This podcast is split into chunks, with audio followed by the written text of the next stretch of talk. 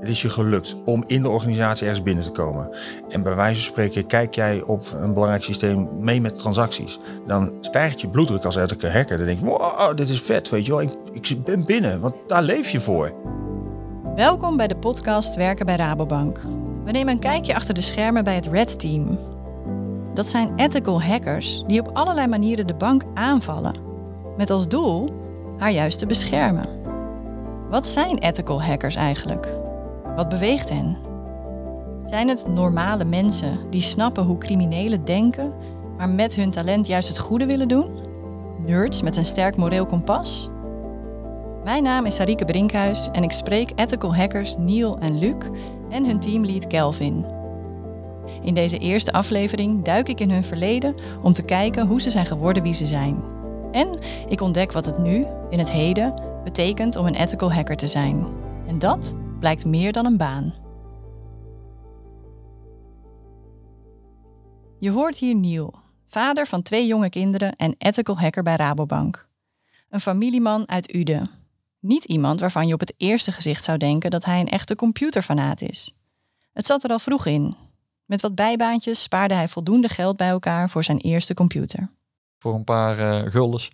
dan kocht hij dan uh, een oude rommelmarktcomputer voor. Dat was dan een uh, x86 of echt een oude XT. Een hele oude computer en daar ging ik mee aan de slag. Maar vaak deed het niet en wat deuken erin of kapot. En dan probeer ik het toch weer zelf te maken, te solderen of wat dan ook. Samen een pa in eerste instantie. Later zelf. Later nog wat meer uh, verder gegaan uh, hobbyen als in van hé, hey, er zit toch meer achter die programmatuur en logica en zelf gaan proberen te programmeren en te scripten. uiteindelijk is dat maar gaan groeien en gaan groeien. Collega Luc is wat jonger. Hij herinnert zich niet zoiets als zijn eerste computer. Hij weet niet beter dan dat er thuis een computer was. De eerste keer hacken kan hij zich nog wel herinneren. Op school ontdekte hij al snel hoe de vroege IT-systemen werkten. Maar ook dat de beveiliging daarvan in de begindagen nog wel wat te wensen overliet. Ja, ik weet niet precies welk jaar, op een duurmiddelbare school toen kreeg je nog een nieuw systeem verder waarin iedereen dan thuis, uh, ja, kon je dan je, ja, ja, de bedoeling was je eigen cijfers en zo inzien. Maar dan weet ik nog wel dat ze toen iedereen een, uh, ja, gebruikersnaam hadden gegeven. Wat gewoon een combinatie was van je, je voornaam en achternaam. En het wachtwoord voor iedereen was uh, vier cijfers, of in ieder geval alle leerlingen. Ja, dus dat dacht, dacht ik al van oké, dit, dit moet vast wel te misbruiken zijn. Dus ik weet dat ik toen nog wel met een, uh, een vriend van mij uiteindelijk iets een script heb gemaakt voor, want er bleek ook geen limiet te zijn op aantal pogingen om in te loggen. Dat gewoon was van oké, vul maar even de gebruikersnaam in en een paar minuten later rolt wel het wachtwoord voor die persoon eruit. Ja, daar heb ik in die tijd ook nog wel een mailtje naar gestuurd van hey, um, we kunnen zo eigenlijk gewoon op ieders account inloggen. Toen had ik wel meteen zoiets van ja, dit, ja, laat ik het toch maar even gewoon netjes melden van dit is niet, uh, niet helemaal de bedoeling. Luc was dus al ethisch hacker voordat het woord überhaupt bestond. Op het HBO, waar hij ICT studeerde, haalde hij zijn minor in cybersecurity. Hij merkte dat de focus daarbij vooral op de verdedigende kant lag op hoe je systemen tegen cyberaanvallen beveiligt. Hij ronde de opleiding af en werd software engineer, maar er knaagde iets. Iets ontbrak gewoon verder nog in het tensprogrammeer als ik dan uit mij meestal toch net, ja, als dan software toch had gemaakt, dat ik toch net wat meer de, meteen de beveiliging van ging testen dan wat ik verder voor bij mijn collega's zag en zo, puur. En toen ik dan merkte van, oké, okay, eigenlijk vind ik het, ja, wanneer ik dan iets gemaakt, dan even kijken of ik het allemaal veilig heb gedaan. Uiteindelijk dat aspect toch, dat trok me toch meer dan het daadwerkelijk maken van die, uh, van die software. Dat ethisch hackers Luc en Neil het als kind al in zich hadden, is me duidelijk.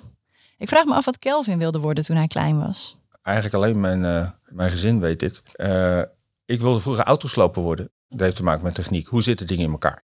Uit elkaar halen. En, en dat gebeurt eigenlijk nog steeds wel hoor. Eigenlijk alle apparaten die ik binnenkrijg, die gaan niet eerst aan, maar die gaan eerst uit elkaar. Om te kijken wat erin zit en, en hoe, ze, hoe ze ontwikkeld en hoe ze gemaakt zijn. Hij werd geen autosloper dus. Maar hij haalt nog steeds dingen uit elkaar om te begrijpen hoe ze in elkaar zitten. Die mentaliteit zit er dus nog steeds goed in. En het komt hem goed van pas in zijn werk. Kelvin is strategic advisor op het gebied van security en het hoofd van het Red Team. Ik hou echt van techniek. Ik vind het fantastisch. Um, bij de Rabo ben ik ooit eens in contact gekomen met security in een specifiek project. En eh, ja, dat is eigenlijk steeds meer, uh, daar werd ik steeds meer door gepassioneerd. Ik vond het echt heel leuk. En ik ben er uiteindelijk ook wat opleidingen voor gaan doen. En ja, ik zeg wel eens gekscherend, volgens mij is dit virus het enige virus waar geen antivirus voor is. Als je eenmaal besmet raakt door dit security, door die security passie, ja, dan laat je dat niet meer los. Het enige virus waar geen antivirus voor bestaat. Zowel Luc, Neil als Kelvin zijn ermee besmet. Ze hebben een eindeloze interesse in hoe dingen werken, wat je ermee kunt en hoe ze beveiligd zijn. Het houdt ze 24/7 bezig. Uh, laatst nog, uh, sinds een paar weken hebben we zonnepanelen. En ik had uh, al het apparaat van de zonnepanelen had ik, nou ja, dat niet alleen dat ik crashen, maar ook commando's kunnen uitvoeren. Gewoon proberen dat de software te manipuleren van de zonnepanelen. Die leverancier, die, die is verbonden met internet. Ik vraag me af als uh, vakidioot van waarom de hel moet het ding praten met internet en ik vind het helemaal niet leuk. Want het is mijn apparaat en, ik heb ervoor betaald en blijf eraf, denk ik dan. Dus het eerste wat ik doe, is zet heel het verkeer gewoon dicht voor het apparaat. En dan ga ik eerst kijken van wat kan ik ermee en hoe kan ik het uitbuiten. We natuurlijk wel hè, thuis dan gewoon niet op het internet meteen al hele nou ja, omgeving proberen omver te duwen. Dat niet. Ja, aan de ene kant als je net ergens, uh, ergens rondloopt, soms denk je wel inderdaad van hey, uh, daar of daar, daar zal waarschijnlijk wat misbruik van kunnen maken als je bijvoorbeeld net uh, je, je loopt ergens rond en je ziet een, eh, een onbeveiligd wifi-netwerk of zo. Of, of dat je dan uh, loopt en je ziet van oké, dit, ja, bij een bedrijf van oké, het wachtwoord staat al ongeveer op de deur geprint van hey, wil je inloggen op wifi? Nou, dit het wachtwoord van hoe groot zal de kans zijn dat, ja, dat je misschien toegang hebt tot wat meer dan wat de bedoeling is. Dat soort, ja, het automatisch speelt het wel iets in, in je achterhoofd mee van daar of daar is misbruik van te maken. Zo eenvoudig is het allemaal niet meer. De beveiliging van apparaten en systemen die verbonden zijn met internet is gelukkig stukken beter geworden. Maar de mensen die er misbruik van willen maken, worden ook steeds slimmer. Daarom moet je als ethical hacker altijd bijblijven in je vak en de techniek. Je volgt de ontwikkelingen op het gebied van cybersecurity nauwlettend. Sterker nog, je bent er ook onderdeel van. Als je niet gaat leren, dan, dan sta je niet stil, maar dan ren je achteruit. Want qua kennis, het gaat zo snel qua techniek en ontwikkelingen uh, en ook qua aanvallen. Maar hoe blijf je bij als je voor je beroep hacker bent? Hoe oefen je dat? Hackers zouden geen hackers zijn als ze daar niet iets op gevonden hadden. Zij oefenen hun kunsten in online academies, zoals Hack the Box. Hack the Box is een uh, website of een omgeving waar we heel veel nou ja, testmachines, computers, die voorbereid zijn op allerlei potentiële kwetsbaarheden, die je ook dan dient hem uit te buiten. Um, en dat is, bestaat uit meerdere vlakken. Uh, je hebt natuurlijk de, de machines, de, de virtuele computers die je kunt misbruiken. Met misschien hele relevante, uh, vernieuwde technieken. Soms wat minder relevant, want je hebt zoveel computers. Sommige zijn er ook al bij die minder leuk zijn. Sorry. Um, maar je hebt er ook uh, ja, echte playgrounds, zoals het heet. Hè, zoals van speeltuinen. Je komt terecht in een netwerk. Je verbindt met een VPN. Je gaat er eigenlijk zo van ja, spelende wijs hacken. Uh, uiteindelijk is het heel serieus, want het is ook vaak realistisch. En het werk wat je dagelijks tegenkomt. Dus ook voor ons werk is dat heel uh, ja, nuttig. Maar je moet je realiseren, als jij als ethical hacker, het is je gelukt om in de organisatie ergens binnen te komen. En bij wijze van spreken kijk jij op uh, een belangrijk systeem mee met transacties. Dan stijgt je bloeddruk als ethical hacker. Dan denk je, wow, dit is vet, weet je wel. Ik, ik ben binnen, want daar leef je voor.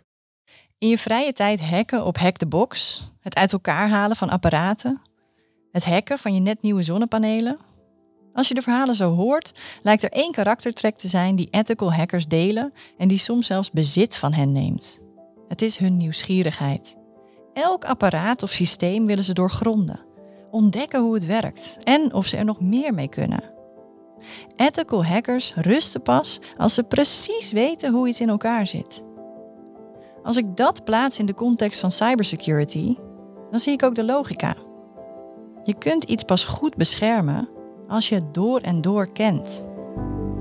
In de volgende aflevering ontdekken we hoe Luc, Neil en Kelvin die nieuwsgierigheid inzetten om de kwetsbaarheden van de bank bloot te leggen.